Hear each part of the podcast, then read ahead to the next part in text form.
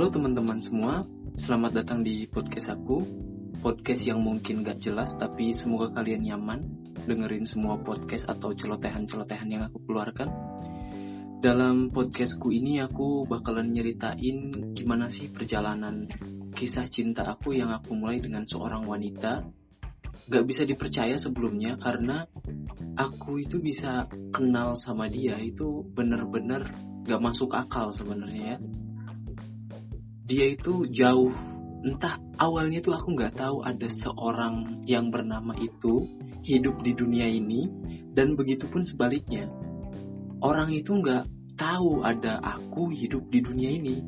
Tapi kami bisa bertemu dalam sebuah pembicaraan atau percakapan di sosial media sehingga berujung pada kisah asmara yang begitu membahagiakan saat ini. Perkenalkan namaku Gapermana. Aku adalah seorang mahasiswa.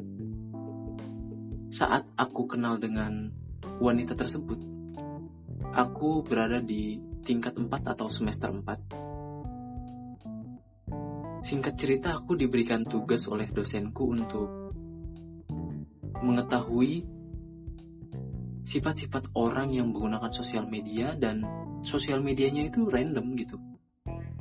Tapi entah kenapa aku bisa pilih sosial media itu aplikasi yang gak banyak dikenal sama orang, yang gak diketahui sama orang, dan isinya tuh banyak sekali orang luar negeri mulai dari Pakistan, India, Korea, Indonesia, dan randomnya aku dapat dua orang wanita dari Indonesia.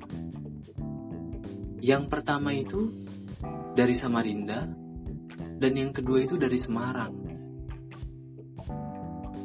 Dengan wanita yang dari Samarinda, hubunganku hanya sebatas chattingan biasa dan setelah tugasku selesai, ya hubungan kami selesai juga.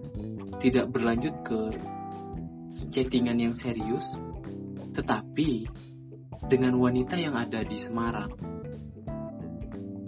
itu berbeda. Setelah selesai dengan tugas-tugasku dalam aplikasi tersebut, aku coba memberanikan diri untuk minta nomor WhatsAppnya dan tanpa diduga ternyata dia ngasih. Mungkin bisa dianggap kaget karena dia bisa sepercaya itu nomor WhatsAppnya yang begitu penting kalau menurutku karena aku adalah salah satu orang yang tidak ingin nomor WhatsAppku disebar ke beberapa orang yang gak jelas ya. Nomor WhatsAppku hanya orang-orang yang ada di sekitar uh, sekitarku aja yang tahu. Lanjut, uh, setelah aku dapat nomor WhatsAppnya, aku coba buat ngechat dia. Tapi yang anehnya dia itu seakan mau nggak mau gitu loh buat chattingan sama aku. Kenapa aku bisa bilang gitu? Karena aku tuh pernah ngechat. Paginya aku ngechat. Dibales itu sekitar jam 5 sore. Kalau nggak aku chat sore dibalesnya pagi. Aku sempet juga minta buat memberanikan diri minta buat nelpon. Di saat aku bilang boleh nelpon nggak?